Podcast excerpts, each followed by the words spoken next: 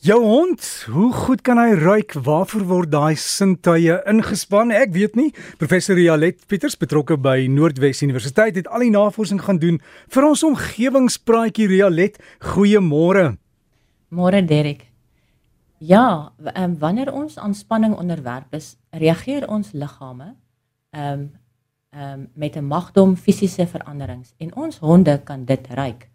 Wetenskaplike studies het bevind dat honde dinge soos vrees, COVID-19 en kanker kan ruik. Honde kan ook onderskei tussen gespanne en ontspanne mense op grond van die reuk van ons sweet en ons asems. En hierdie inligting kan gebruik word in die opleiding van dienshonde, veral die wat aangewend word in emosionele ondersteuning en in posttraumatiese stressindroombehandeling. So wanneer ons dan onder spanning is, neem ons harttempo toe, ons velle word klam en die mengsel van chemikalieë in ons sweet en speeksel verander. Clara Wilson aan die Queen's University in Belfast in die Verenigde Koninkryk wou weet of honde ook menslike spanning of stres kan ruik. Haar resultate het September vanjaar in die wetenskaplike joernaal PLOS ONE verskyn. Om dit vas te stel, het sy en haar span 36 mense 'n moeilike wiskundige berekening laat doen Hulle moes agteruit tel van 9000 af, maar in eenhede van 17 en hulle moes dit hardop doen en voor die navorsingsspan. En as hulle fout maak, sou hulle aangespreek word. Hierdie situasie het natuurlik spanning by die deelnemers veroorsaak. Hulle is vir so wat 3 minute hieraan blootgestel. Ek moet bieg, dit sê my ook laat sweet het. Die navorsers het sweet en asemmonsters van die menslike deelnemers versamel voor en na die wiskundige toets.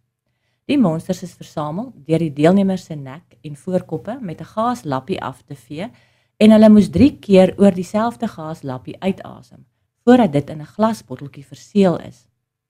Die honde, daar's 4 honde gebruik, moes nou die lappie wat na spanning ruik tussen nog twee ander lappies uitken. Die een was die gaaslappie wat sweet en asem van die ontspanne mens bevat het en die ander een was 'n ongebruikte gaaslappie en die honde kon die lappie wat na spanning ruik met 94% akkuraatheid identifiseer.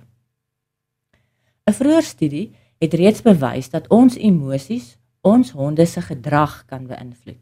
Dis lank reeds bekend dat honde die stemtoon en die gesigsuitdrukkings van hulle eienaars kan interpreteer en daarop reageer. In 'n studie wat in Animal Cognition in 2018 gepubliseer is deur Biagio de Anilo van die Universiteit van Napels in Italië, het hulle die gedrag en harttempo van troetelhonde geëvalueer wat aan sweetlappies geruik het. Hierdie honde was Labrador Retrievers en Golden Retrievers. En toe ek vir Maritjie van Stilbaai vra of sy kan help met die Afrikaanse naam van Retriever, was haar raad dat ek maar liefs by die Engels moet bly want die amptelike Afrikaanse woord is apporteerhonde en ons het nie gedink iemand gaan weet watter honderas dit is nie. Die eienaars van die honde wat almal mans was, moes na flieks kyk wat jou of gelukkig en tevrede sou laat voel of jou sou bang maak. Hulle sweet is ook op lappies versamel.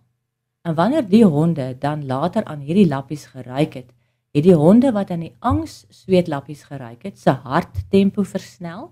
Hulle het meer toenadering tot hulle eienaars gesoek en hulle het minder aandag aan 'n vreemdeling gegee as die honde wat aan gelukkige sweetlappies geruik het of lappies wat na niks geruik het nie.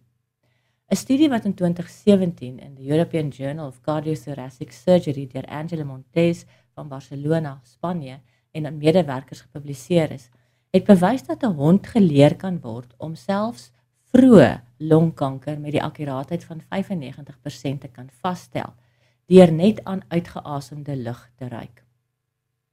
Dis reeds bekend dat honde gevorderde longkanker kan identifiseer. Longkanker is die kanker waaraan die meeste mense sterf, juis omdat dit gewoonlik eers laat gediagnoseer word wanneer die simptome begin wys.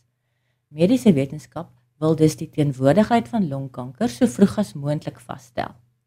Die hond in die Spaanse studie was 3 jaar oud en 'n kruising tussen 'n Amerikaanse veghond of beter bekend as pitbull en 'n labrador.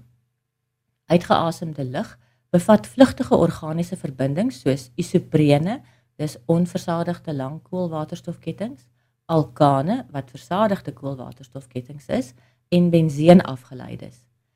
Die patroon van die uitgeasemde vlugtige organiese verbindings is verskillend vir verskillende siektetoestande wat neurologiese, metabooliese en gastro-intestinale siektes insluit, sowel as sekere kankers. Ander tipe kankers wat deur honde uitgesniffel kan word en waarvoor daar wetenskaplike bewyse is, sluit in melanoma, is nou velkanker, blaas, bors, prostaat en kolonkanker. Nou, daar is chemiese analitiese apparaat wat hierdie asemontledings kan doen, maar dit is baie gespesialiseerd en nie algemeen beskikbaar nie en nie almal is daarin opgelei nie.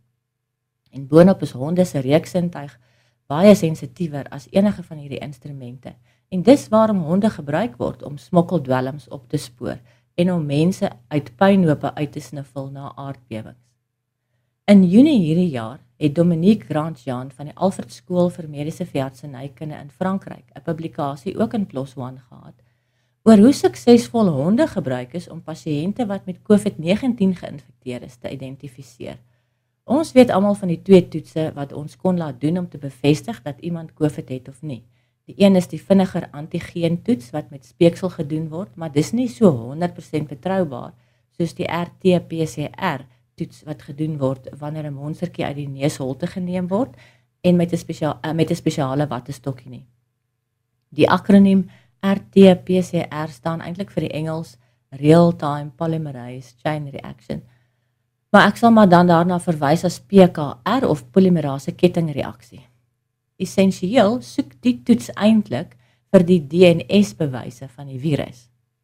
In hierdie Spaanse studie is monsters geneem van mense met COVID-simptome en die daarsonder. Daar speeksel en neusmere, maar ook sweet versamel. En elke deelnemer moes vir 2 minute met 'n chirurgiese gaaslappie onder sy oksel sit en dis dan die monsters wat die honde later sou besniffel. Daar was 335 deelnemers. 109 van hulle was positief vir COVID-19 wat met die akkurate PCR-toets bevestig is. En hierdie 109 het die 31 deelnemers ingesluit wat asymptomaties was. Die honde kon met 97% sekerheid die pasiënte met COVID identifiseer, ook die wat nie simptomaties was nie, maar waarvan die PCR-toets positief was. En die honde was omtrent so akkuraat soos die antigeen-toets. Hulle kon dit net bietjie vinniger doen. In Suid-Afrika gebruik die Trust vir Bedreigde Natuurlewe, oftewel Endangered Wildlife Trust, snuffelhonde om bedreigde spesies op te spoor en te tel. Estie Matthew en haar swart en wit skaaphond Jessie was betrokke by die opspoor en bewaring van die skaars rivieroeverkonyne in die Karoo. Ek weet Jessie is ongelukkig onlangs aan leukemie oorlede, maar Estie het haar vervang met 'n bruin skaaphond Delta wat nou opgelei word om Jessie se spore vol te staan. Ons het foto's van Estie en Jessie op omgewingspraatjies se Facebookblad geplaas en ook die skakels na videomateriaal waarin Estie en Jessie in aksie is. Ek het hulle Instagram skakel ook daar geplaas en in een van die video's verduidelik Estie hoe Jessie as te ware haar loopbaan as snuffelhond begin het met die opsporing van skaars dierspesies, toe sy wat Estie is haar MSc gedoen het en Jessie geleer het om brilpaddas wat hulle self in modder begrawe om wintertye te oorleef op te spoor sodat hulle getel kan word. Sy verduidelik mooi hoe sy vir Jessie touwys gemaak het. Gaan kyk gerus. So gesels ons dan saam met professor Rialet Pieters oor die honde en Jessie. En kruisie daar vir die hondjie wat gesterf het. Ai, maar hartseer, maar in elk geval, die enigting dan op die omgewingspraatjie Facebook bladsy, sal ook kan kry op Breakfast se Facebook bladsy. En as jy wil kontak maak, doen dit sommer daarvan af en dalk kan ons oor iets gesels in die toekoms. Dalk ek het gehoor iewers gebruik hulle olifante vir spoorsny, veral die wildstroopers, maar ek mag nie sê waar nie. Hm, dit kan 'n interessante storie wees.